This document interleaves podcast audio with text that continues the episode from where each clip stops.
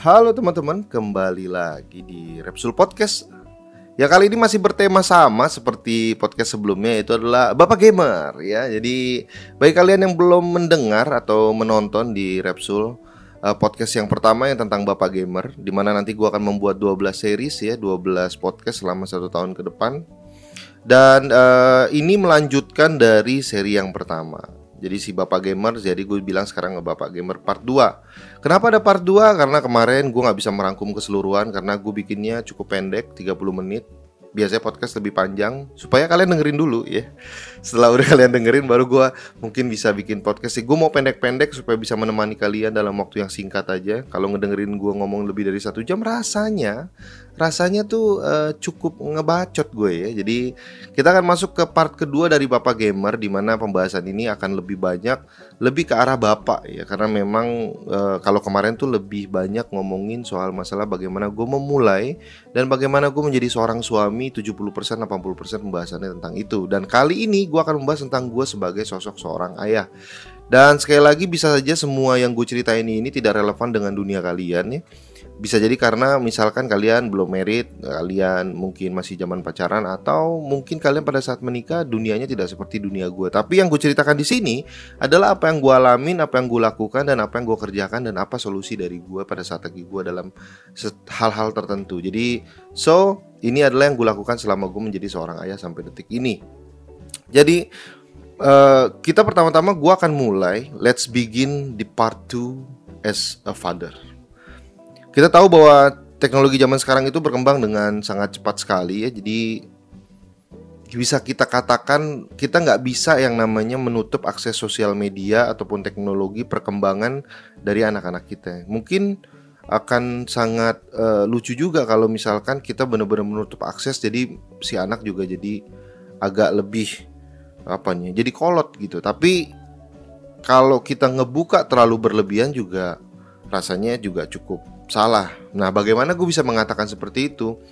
Jadi di awal-awal dulu ya. Jadi pada saat gue punya anak dan gue punya baby ketika umurnya 1-2 tahun, kesalahan pertama gue itu adalah this is my first mistake.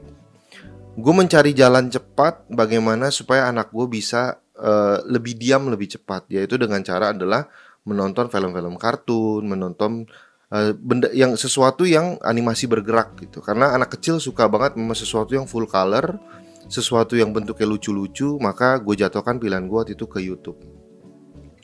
Di situ gue pilihin jadi gue anak-anak gue pilihin game apa apa film-film atau animasi-animasi tertentu yang memang gue tetap masih mengarahkan anak gue tetap kayak harus belajar ABC learning, belajar bahasa Arab, yang eh, dan hal-hal yang berhubungan dengan perhitungan 1 2 3 gitu. Jadi dia belajar dari cara situ.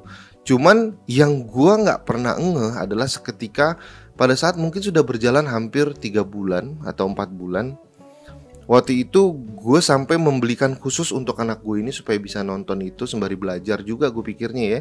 Yaitu adalah alat uh, waktu itu gue beliin apa ya kayak tablet gitu ya. Agak gede sedikit bukan kayak handphone. Karena gue juga nggak mau anak gue ngeliat itu kayak oh, kecil banget nih gitu. Kan bagi kalian yang nonton di HP kan waduh kecil banget nih gambarnya gitu. Nah gue beliin yang gede supaya anak gue lebih nyaman. Dan gue pada saat lagi beliin itu gue belum tahu efeknya itu akan terjadi seperti apa. Nah kesalahan pertama gue adalah gue membiarkan dia terjerumus ke dalam situasi seperti itu berlarut-larut. Harusnya kalau mungkin kalau lo bisa seimbangkan adalah dua uh, hal yang berbeda ya. Tapi waktu itu gue melakukan kesalahan, gue bener-bener gue ngeliat anakku, oh seneng, ternyata anak gue seneng, terus dia udah mulai bisa ngomong, ah bebe gitu, bebe deh, nggak gitu sih, tapi gue lupa gimana cara dia ngomong. Tapi intinya dia sudah mulai bisa belajar tentang bagaimana mereka ngomong 1 2 3, alif bata, ABC. Gue mikir, wah, ini bagus berarti. Nah, yang gue lihat adalah ketika itu harus gue rubah ketika pada saat baterainya habis. Jadi, setelah tiga bulan, 4 bulan gue uh, pakai dan anak gue uh, sering nonton, anakku kayaknya umurnya udah hampir tiga tahun mungkin.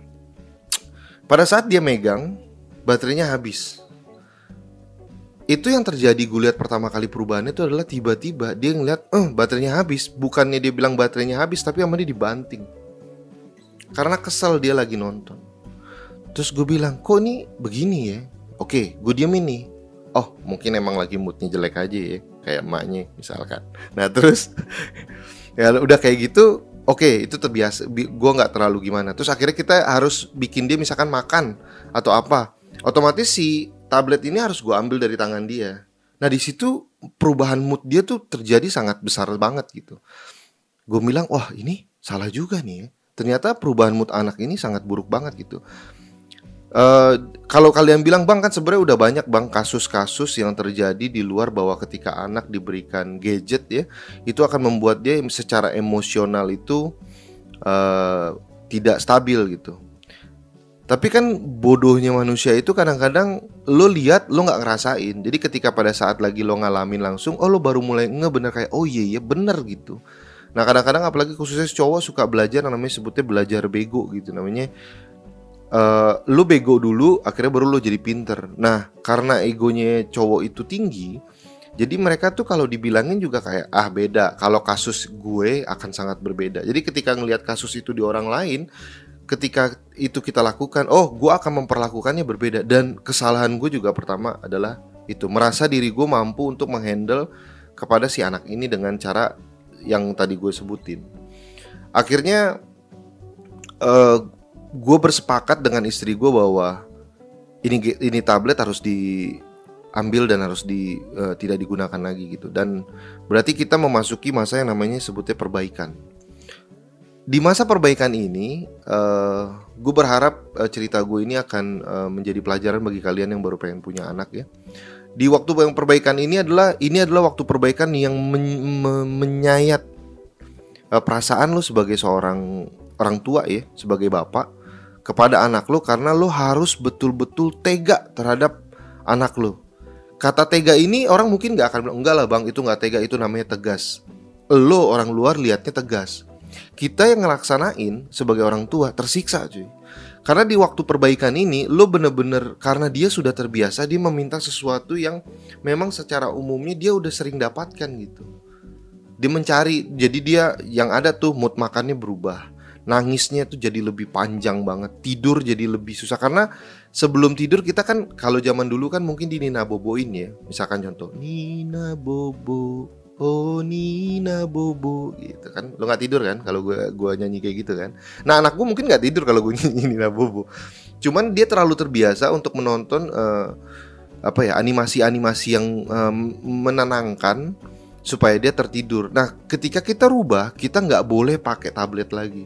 Nah, gue bagaimana caranya supaya membuat anak gue tidur tanpa harus bergantung dengan itu? It's very, very, very difficult bener-bener dan gue sih cuma bilangin ke lo ya kelihatannya lo nggak ngerasa ini tapi if you kalau lo akan memperlakukan itu kepada anak lo lo mesti siap-siap atas konsekuensi ini akhirnya ketika lo harus memperbaikinya ya. Itu bener-bener sangat cranky gila.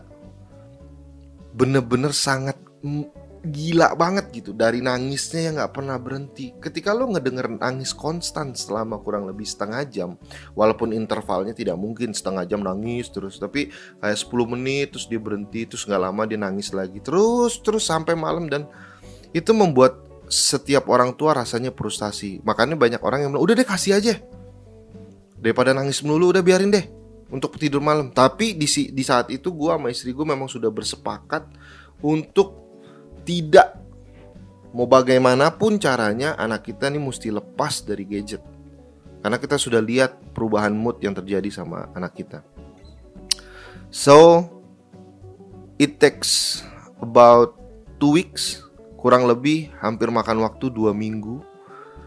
Yang di mana selama dua minggu itu gua sama bini gue itu harus menguatkan diri secara mental uh, supaya si anak ini bisa benar-benar terlepas dari gadget. Jadi dia benar-benar tidur sekarang udah tidur seperti secara normal tanpa harus bergantung dengan gadget.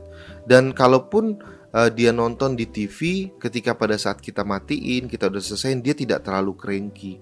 Itu benar-benar waktu 14 harian ya, dua mingguan. Tapi oh bang bagus dong selama dua minggu uh, selesai. Dua minggunya tuh terasa sangat panjang sekali bro karena lo tahu setiap malam ketika tidur atau setiap dia mau makan atau dia mau apa gitu itu itu bakal kita tahu bakal susah nih.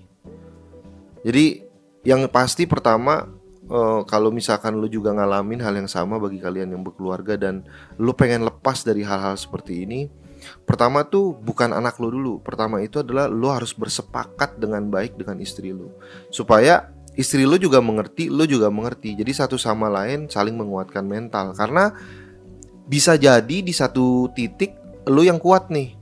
Istri lo yang lagi melemah gitu. Udahlah pusing juga capek juga udah empat hari nih. Kayak begini terus nggak kuat lama-lama kasih aja deh. Nah gantian lo harus nguatin. Nanti gantian di waktu-waktu tertentu lo yang lemah. Aduh ini udah capek pulang kerja ya kan? Di anak nangis mulu nggak mau berhenti dan segala macam udah kasih aja deh para pusing kita nah gantian istri yang nguatin. Dan kesepakatan yang lo buat sama istri lo harus bener-bener memang bilang sama istri lo bahwa kalau gue nih tiba-tiba harus nyerah lo mesti ingetin gue nih supaya enggak karena efeknya buruk. Dan itu menjadi uh, perubahan dengan waktu yang panjang dan diperlukan apa ya kalau lo ngomongin tegas bukan tegas itu konsisten gue rasa. Karena tegas kita di tengah jalan turun kok karena kita ngelihat anak kita nangis terus-terusan gitu itu akan membuat hati semua orang tua terenyuh atau menjadi hati orang tua akhirnya stres karena ngelihat anaknya nangis mulu gue ngelihat ada beberapa orang yang memang tidak kuat melihat anak nangis. Jadi ketika anak nangis itu dia akhirnya jadi bad mood juga orang tuanya. Dan itu akan mempengaruhi keputusan-keputusan lo ketika lo memang ingin melaksanakan sesuatu terhadap anak lo. Jadi lo diperlukan sangat konsistensi yang tinggi dan kesepakatan yang baik banget. Jadi perubahannya sendiri pun perlahan dari 14 minggu itu dan dalam waktu 14 minggu itu nggak bener-bener completely sudah gone tapi bener-bener sudah jauh banget ngereda gitu dibandingkan sebelumnya dan lo harus tetap konsisten dan benar-benar kita tidak tidak ada sama sekali uh, menggunakan itu lagi gitu di depan dia pun kita nggak ngebuka supaya dia tuh nggak teringat dulu gitu sampai beberapa batas waktu gitu dan uh, itu akhirnya gue juga turunkan kepada anak gue yang kedua karena jeda anak gue yang pertama dan anak gue yang gue yang kedua itu itu bedanya cuma sekitar satu setengah tahun atau hampir dua tahun kurang ya dan itu uh, menjadi pelajaran yang sangat berharga sekali buat gue dan istri gue. Di mana kalau lo kalau dari rentang waktunya, ketika pada saat kita harus melakukan perubahan terhadap anak kita yang pertama, sebenarnya bini gue juga sedang udah lagi memiliki anak yang kedua gitu. Jadi eh, itu jauh lebih berat lagi karena dalam satu waktu lo harus ngurusin banyak hal itu. Dan di situ lo harus harus tahan mental gitu harus benar-benar tahan mental. Di mana gue ngelihat bahwa sekuat-kuatnya lelaki kita pasti ada mentoknya. Makanya kita butuh bantuan istri untuk saling nguatin. Nah, tapi gue juga harus belajar memahami juga ya. Maksud uh, kalau si anak ini sendiri adalah tidak boleh tidak boleh juga ketika dia beranjak dewasa tidak mengerti tentang teknologi yang apa yang ada terjadi di dunia ini. Gue juga nggak mau menutup mata karena supaya anak gue juga tidak menjadi gue mau anak gue itu pintar uh, dan uh, apa ya cerdik dalam melihat situasi, mengambil sesuatu, melihat dan menonton sesuatu, dia harus pinter. Dia mengerti teknologi tapi dia tahu apa yang harus ditonton. Dia uh, tahu tentang bagaimana sosial media tapi dia harus tahu bagaimana menggunakan sosial media yang baik. Nah, gue coba juga untuk memahami itu bahwa gue berarti nggak bisa benar-benar close sosial media maupun teknologi terhadap anak gue. Dan itu merubah banyak hal karena dengan konsistensi dan perubahan yang gue lakukan ke anak satu dan ke anak yang kedua itu membuat gue menjadi uh, sosok uh, seorang ayah yang protektif terhadap sesuatu yang uh, agak sensitif. Kayak misalkan kalau orang bilang, eh kalau misalkan anak lo kasih gadget itu jadi itu hal yang seperti itu akan sangat gue dengarkan sekali dan gue lihat apakah betul atau enggak gue nggak mau belajar bego lagi. Tapi gue juga mau coba belajar pintar apakah betul uh, memang seperti itu.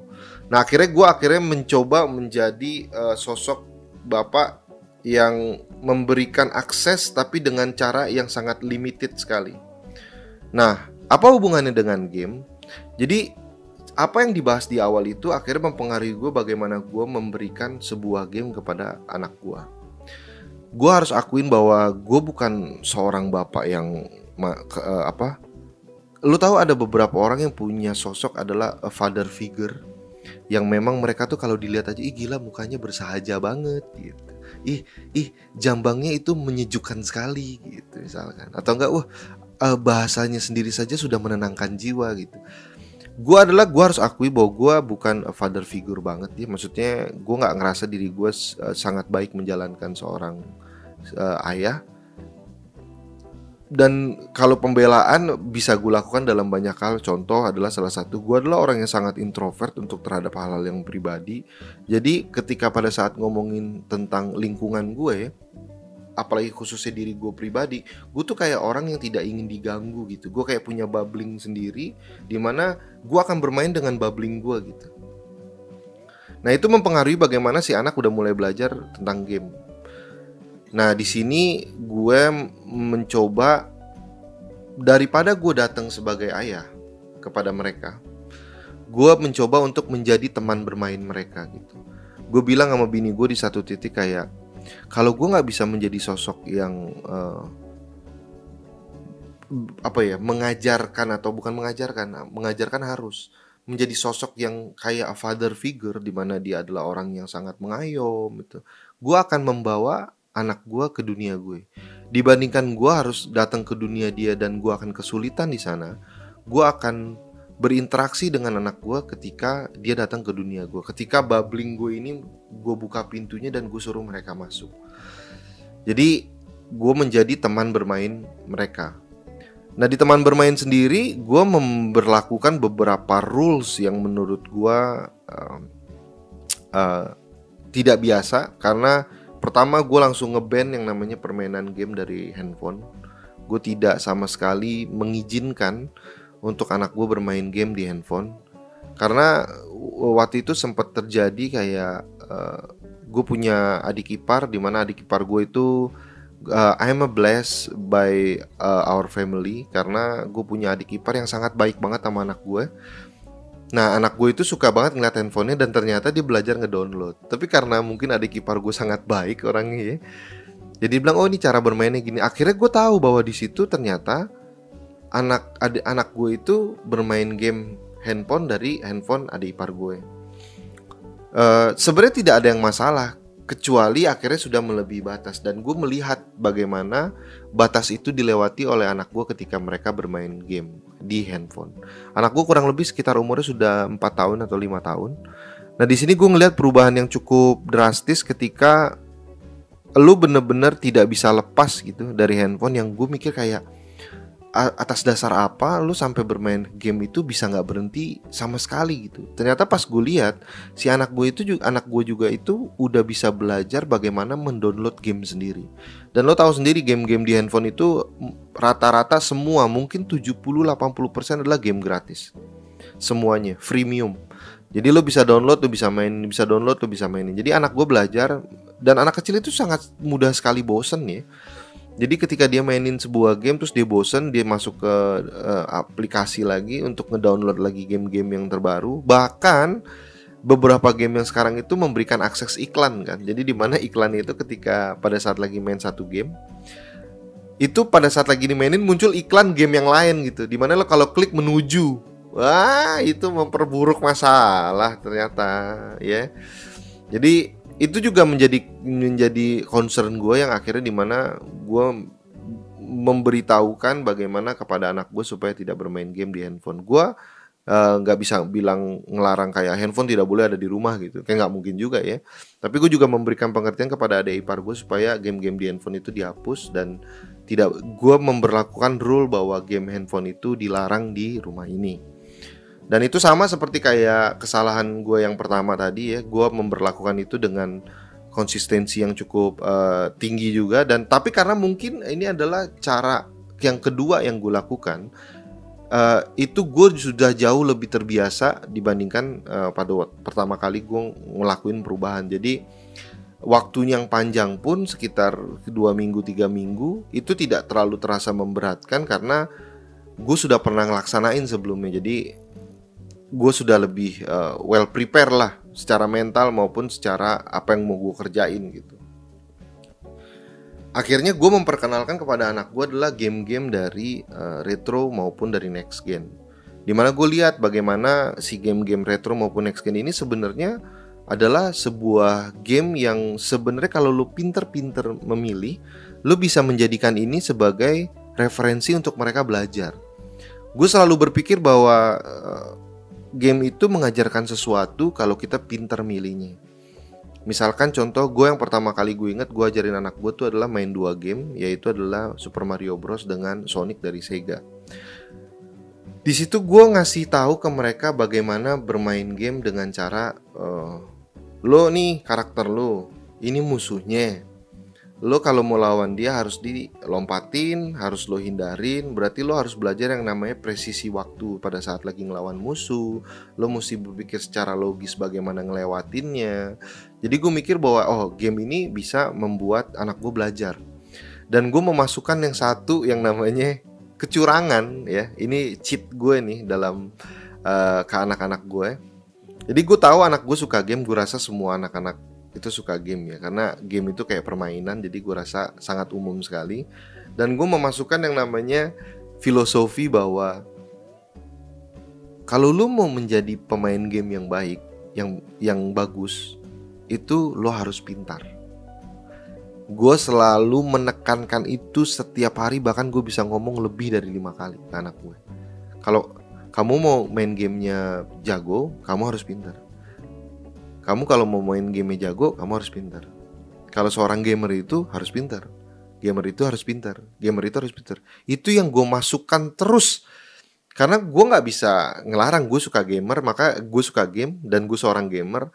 Kalau misalkan gue adalah orang yang kayak nggak boleh main game di rumah ini karena coba aja lihat bapaknya nggak pernah berhenti main game padahal udah sampai setua ini gitu.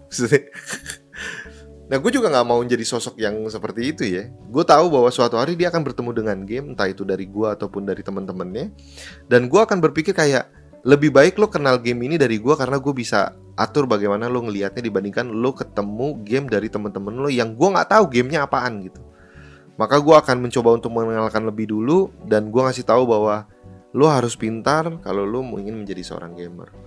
Nah Teknik yang gue lakukan adalah dengan tidak memberitahukan bagaimana permainan itu berjalan dengan seharusnya. Kenapa itu gue lakukan? Karena gue ingin memberitahukan kepada anak gue, lo harus pertama belajar sendiri. Berarti gue ngajarin lo untuk mandiri dalam bermain game. Dan gue harus bisa lo berpikir logik bagaimana game ini harus dijalankan. Nah, ketika dia menemui yang namanya kesulitan dalam bermain game, misalkan ya yang ini nggak bisa lagi dilewatin udah kesusahan. Gue langsung menggunakan kata-kata mujarab gue kamu cuma bisa sampai sini. Iya. Nah betul kan? Berarti yang seperti ayah bilang kalau mau jadi gamer yang yang jago harus harus pintar kata dia. Maka kalau kamu harus pintar kamu harus sekolah. Karena dengan sekolah itu kamu jadi pintar dan kamu bisa main game lebih bagus lagi Nah, berarti dengan catatan itu gue memberikan satu uh, play, uh, bukan mas satu rule kepada diri gue sendiri. Gue nggak boleh menjadi orang tua yang ngajak gini anak gue ketemuin satu uh, tantangan di satu game gue nggak akan bantuin. Gue akan beritahu itu harusnya diginiin itu harusnya diginiin tapi dia harus kerjain. Kan berapa kali anak bilang kan ya tolong dong lewatin yang ini. Aku gue bilang sama anak gue kalau misalkan ayah bantuin yang ini yang ini aja kamu nggak bisa lewatin ke depan-depan nanti pasti ayah bantuin terus. Berarti sebenarnya kamu belum bisa main game ini. Makanya ayah bilang, kalau kamu mau bisa main game ini kamu harus harus pinter. Nah gimana cara pinter? Pinter gitu kamu harus sekolah. Nah itu terus gue masukkan terus-terusan sampai anak gue mungkin sampai ter brainwash sama gue. Jadi kalau lagi ngomong lagi mau main game, iya. Ingat ya, kalau gamer harus pinter ya. Nah, jadi sudah mulai terbrainwash dengan uh, situasi saya ya. Bagus, anak gue sangat bagus ya. Jadi itu yang itu yang itu yang menjadi uh, cara gue untuk mengenalkan game dan ini adalah cara yang paling mudah buat gue karena gue membawa mereka masuk ke dalam dunia gue yang di mana dunia itu akhirnya gue harus buat rule-rule tertentu. Salah satunya rule-nya adalah uh, hanya boleh memainkan game di hari libur atau Sabtu dan Minggu. Rule ini uh, sama seperti semua rule yang gue lakukan, harus dengan konsistensi yang tinggi, dengan uh, tingkat ketegaan yang luar biasa.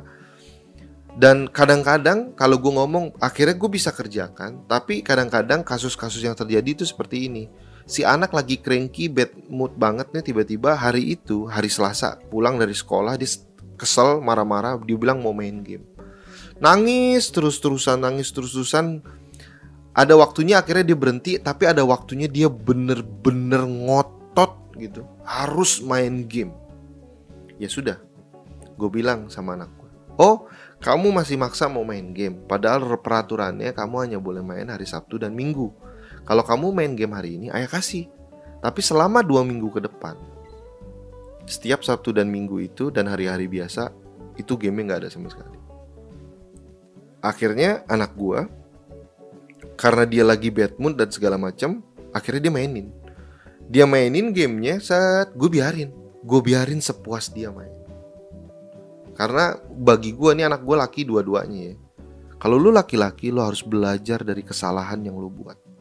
Lu mesti ngerti bahwa your responsibility. Gue mesti ngasih tahu bahwa kesalahan ini nggak bisa lo lempar ke orang lain. Lo harus ambil kesalahan itu, lo harus terima dan lo harus jalanin konsekuensi dari kesalahan lo. Gue biarin dia main sampai puas. Setelah puas, gue cabut semua permainannya, gue simpen. Ketika Sabtu dan Minggu datang, anak gue nanya, "Yah, konsolnya mana?" Gitu. Misalkan waktu itu main misalkan PS3 gitu. Atau enggak PS2 atau enggak PS4 gue lupa. Gamenya mana gitu. Loh, kan ayah sudah bilang kemarin, kalau kamu mainin yang ada adalah Sabtu Minggu tidak bisa dimainkan selama dua minggu. Dan itu bener-bener gue kerjain. Selepas daripada itu, akhirnya setelah dua minggu itu terjadi, jadi gini tuh. Setelah dua minggu, hari seminggunya, Seninnya konsolnya gue balikin lagi ke tempat. Dan dia anak gue ngeliat, ya itu gamenya katanya. Iya, Sabtu Minggu besok kamu boleh mainin. Dan selama dari Senin sampai Jumat dan sampai detik ini, anak gue itu tidak akan megang yang namanya konsol dari Senin sampai Jumat walaupun gak diperhatiin. Berarti tandanya anak gue belajar untuk mandiri, belajar tahu mana konsekuensi yang benar, mana rule yang benar, mana yang uh, memang harus dilakukan. Gue nggak, gue nggak nggak pakai, gue gue tidak pernah mau menggunakan kata-kata keras gitu kepada anak gue. Gimana sih kan udah ayah bilang jangan main game. Ini gue nggak akan menggunakan seperti itu. Gue rasa laki-laki uh, tidak perlu dibegitukan, karena laki-laki itu punya ego yang sendiri-sendiri jadi gue walaupun kalau kata bini gue ini kan masih anak-anak, ya. Tapi bagi saya itu laki-laki karena suatu hari dia akan jadi laki-laki. So you must learn from the beginning how to become a man. Jangan sampai lo menjadi sosok di mana besarnya nanti itu secara mental itu lemah. Gue gak mau. Lo mesti ngerti karena gue gak mau gue punya anak menjadi sosok yang menyalahkan tempat lain padahal kesalahan di dirinya sendiri. Gue gak mau. Gue mau lu take responsibility atas atas semua tindakan lu. Maka gue cara gue mengajarkan adalah dari dunia game. Nah, ini yang gue lakukan. Itu uh, yang sangat uh, sering gue lakukan kepada anak-anak gue. Tapi gue juga tidak menutup menutup mata terhadap sistem dunia game. Jadi sistem dunia game yang di sini gue juga mau tekankan kepada kalian adalah bahwa kan di Indonesia ada yang namanya IGRS gitu ya. Kalau di luar negeri ada yang namanya IASRB, ESRB ya. Di mana itu kalau di Indonesia tuh adalah Indonesia apa ya rating system lah. Indonesian Game Rating System. Di mana setiap game itu mempunyai masing-masing peruntukan umur, tahun dan segala macam. Nah, gue pun menerapkan hal yang sama.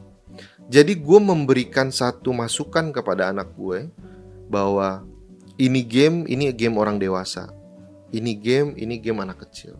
Nah, anak gua karena mungkin dengan dengan proses yang sudah gue lakukan sekian panjang tahun terhadap anak gue dari umur dari yang pertama maupun yang kedua ya mungkin akhirnya lebih mudah untuk mengajarkan mereka uh, bagaimana rule ini harus diterapkan dan mereka langsung jalanin. Jadi ketika pada saat gue bilang ayah ada game uh, baru nggak? Yang ini udah tamat gitu misalkan. Gue kasih nih game ini. Yang uniknya dari anak gue ketika pada saat gue terapkan rule ini ketika setelah berapa lama gue masukkan yang namanya uh, main itu brainwash lagi ya brainwash yang kedua yaitu adalah game ini untuk anak-anak game ini untuk orang dewasa. Kalau orang dewasa kamu tidak boleh mainkan karena pertama kamu belum besar Pertama tingkat kesulitannya bukan cocok untuk kamu Kedua gambar-gambarnya sendiri mungkin gak cocok buat kamu Ketiga permainannya sendiri gak cocok buat kamu Karena kamu masih anak-anak Gue terus brainwash itu seperti itu terus Sampai di satu titik ketika pada saat Gia harus ganti game Gue bilang nih uh, pakai aja uh, mainin aja game ini gitu. Nah, gue kasih nih, ini game ini lo, uh, lo main, uh, kamu mainin. Yang pertama ditanya sama dia, ini game buat anak-anak apa orang gede. Oh ini untuk anak-anak. Oke, kalau gitu aku, aku mainin. Jadi anak gue sudah terbiasa untuk nanya apakah ini game untuk dia atau memang game ini tidak diperuntukkan untuk uh, dia. Nah ketika gue bermain game pun gue akhirnya juga uh, dimudahkan. Misalkan gue lagi main game, uh, tiba-tiba main game sesuatu yang memang tidak diperuntukkan untuk anak-anak. Misalkan contoh kayak Battlefield atau main COD gitu pada saat gue lagi main COD terus dia lagi datang game apa nih ya ini game tembak-tembakan oh ini pasti game buat anak orang gede deh iya ini buat orang gede oh ya udahlah aku nggak usah nonton jadi sudah mulai mengerti. Nah menurut gue tuh itu bukan karena kayak oh anak lu udah enak ya sekarang diajarinnya gitu terus dia langsung ngerti. Enggak karena gue menurut gue tuh adalah base apa apa dasar yang lo bangun dari beberapa tahun sebelumnya. Dan gue baru merasakan bahwa oh ternyata atas dasar yang gue bangun kemarin itu terjadi seperti sekarang ini gitu. Jadi itu yang membuat gue memudahkan untuk menerapkan yang namanya IGRS. Jadi anak gue betul-betul tahu kayak misalkan tiba-tiba dia ngomong kayak ya masa di sekolah tadi ada temen aku yang mainnya GTA. GTA itu kan ayah pernah bilang bahwa itu nggak boleh buat anak-anak. Iya, kalau temen kamu mainin itu kamu nggak usah urusin yang penting kamu nggak mainin. Kamu tahu itu bukan buat kamu maka kamu jangan mainin. Jadi dia lebih mengerti. Dan gue berusaha untuk menjadi seorang teman dibandingin seorang bapak. Jadi ketika pada saat gue bermain game gue akan sangat bercerita tentang game itu dari sisi uh, teman. Tapi teman yang kayak anak-anak gitu kepada mereka dibandingkan gue menjadi seorang bapak gitu. Nah itu yang yang gue lakukan kepada anak gue hal-hal seperti ini gue berharap cerita ini tuh uh, setidaknya memberikan satu gambaran baru kepada kalian yang dengerin maupun yang nonton uh, bahwa sebenarnya it's possible uh, untuk ngatur bagaimana anak lu bermain game, bagaimana anak lu bisa berinteraksi terhadap lu dalam dunia game. Tapi memang semuanya itu balik-balik lagi tergantung dari diri lo sendiri. Seperti yang gue uh, disclaim di awal ya, bahwa bisa saja semua yang gue ucapkan ini tidak beririsan dengan apa yang terjadi dengan kehidupan lo. Tapi ini adalah cara gue dan bagaimana gue menerapkan rule ini di rumah gue. Uh, pada saat kita ngomongin dunia game beririsan dengan anak dan gue sebagai bapak gamer. Nah, gue jadi harus tahu di mana porsi gue, di mana porsi anak gue, di mana porsi istri gue, dan gue juga mencoba untuk menerapkan kayak uh, si gue lagi main game nih sama anak gue bertiga gue memposisikan si istri gue tuh untuk bikin makanan bikin minuman buat anak gue bikin minuman buat gue bikin makanan buat gue atau gue nyuruh pembantu gue untuk bikin. Jadi supaya interaksi gue sebagai keluarga itu uh, tidak terputus gitu. Jadi gue menjadikan kayak ini kayak family gamer banget ya kalau dipikir-pikir tapi itu hanya lo melihat sisi dari keluarga gue dalam bidang uh, gamer. Karena kalau udah dari pendidikan yang lain istri saya terima kasih. Terima kasih kepada istri saya ya. Tapi kalau dari sisi seorang gamer karena gue udah bersepakat sama bini gue. Bini gue tuh bilang bahwa untuk sisi serius itu akan dipegang sama istri gue. Dari segi les pelajaran dan segala macam tapi dari sisi fun lo harus bisa memberi, uh, memberikan sisi fun kepada anak gue dari segi game, permainan, bagaimana ketawa-ketawa dan segala macam. Jadi sisi itu itu gue yang handle, sisi satu yang handle. Jadi gue rasa gue bekerja sama dengan bini gue supaya menciptakan uh, keseimbangan. Karena dia tahu dong, gue untuk ngajarin kayak, eh, ayah ini nggak bisa matematik, coba suruh kasih ajarin. Wah bisa gila, ya gitu. Tapi itu yang gue jalanin dan mudah-mudahan podcast kali ini memberikan satu uh, gambaran yang tadi gue bilang dan memberikan uh, satu mungkin mudah-mudahan ada beberapa hal yang bisa kalian ambil, yang bisa kalian kulik-kulik atau kalian bisa terapkan atau kalian bisa pelajari dan ketika kalian pada saat nanti misalkan mau nikah dan akhirnya mempunyai anak dan kita tahu bahwa dunia game itu sangat besar sekali nanti di kemudian hari karena kita bisa lihat beberapa banyak anak uh, yang kecil-kecil itu sudah bermain game. Kita nggak bisa menutup akses itu, tapi kita harus belajar bagaimana mengendalikan akses itu terhadap anak kita. Mudah-mudahan jadi kalian tidak melakukan kesalahan-kesalahan yang pernah gue lakukan di awal-awal karena kelihatannya kalau gue cerita seperti biasa aja tapi ketika pada saat jalan ini itu luar biasa susah. Jadi gue nggak berharap mudah-mudahan kalian tidak melakukan kesalahan sama seperti gue ngelakuin kesalahan. So seperti yang gue bilang bahwa ini adalah podcast serius. Tapi bagi kalian yang ngedengerin sampai habis dan bagi kalian yang nonton sampai habis kalian uh, luar biasa. Terima kasih saya sudah berbagi cerita dan mudah-mudahan di podcast selanjutnya akan membawa uh, bahasan yang baru Mudah-mudahan kalian bisa ngedengerin lagi ya. Dan gua akan keluarin uh, soon secepatnya sampai 12 episode. Thank you very much for listening or for watching bersama gue Dejidat di Repsul Podcast. Bye bye.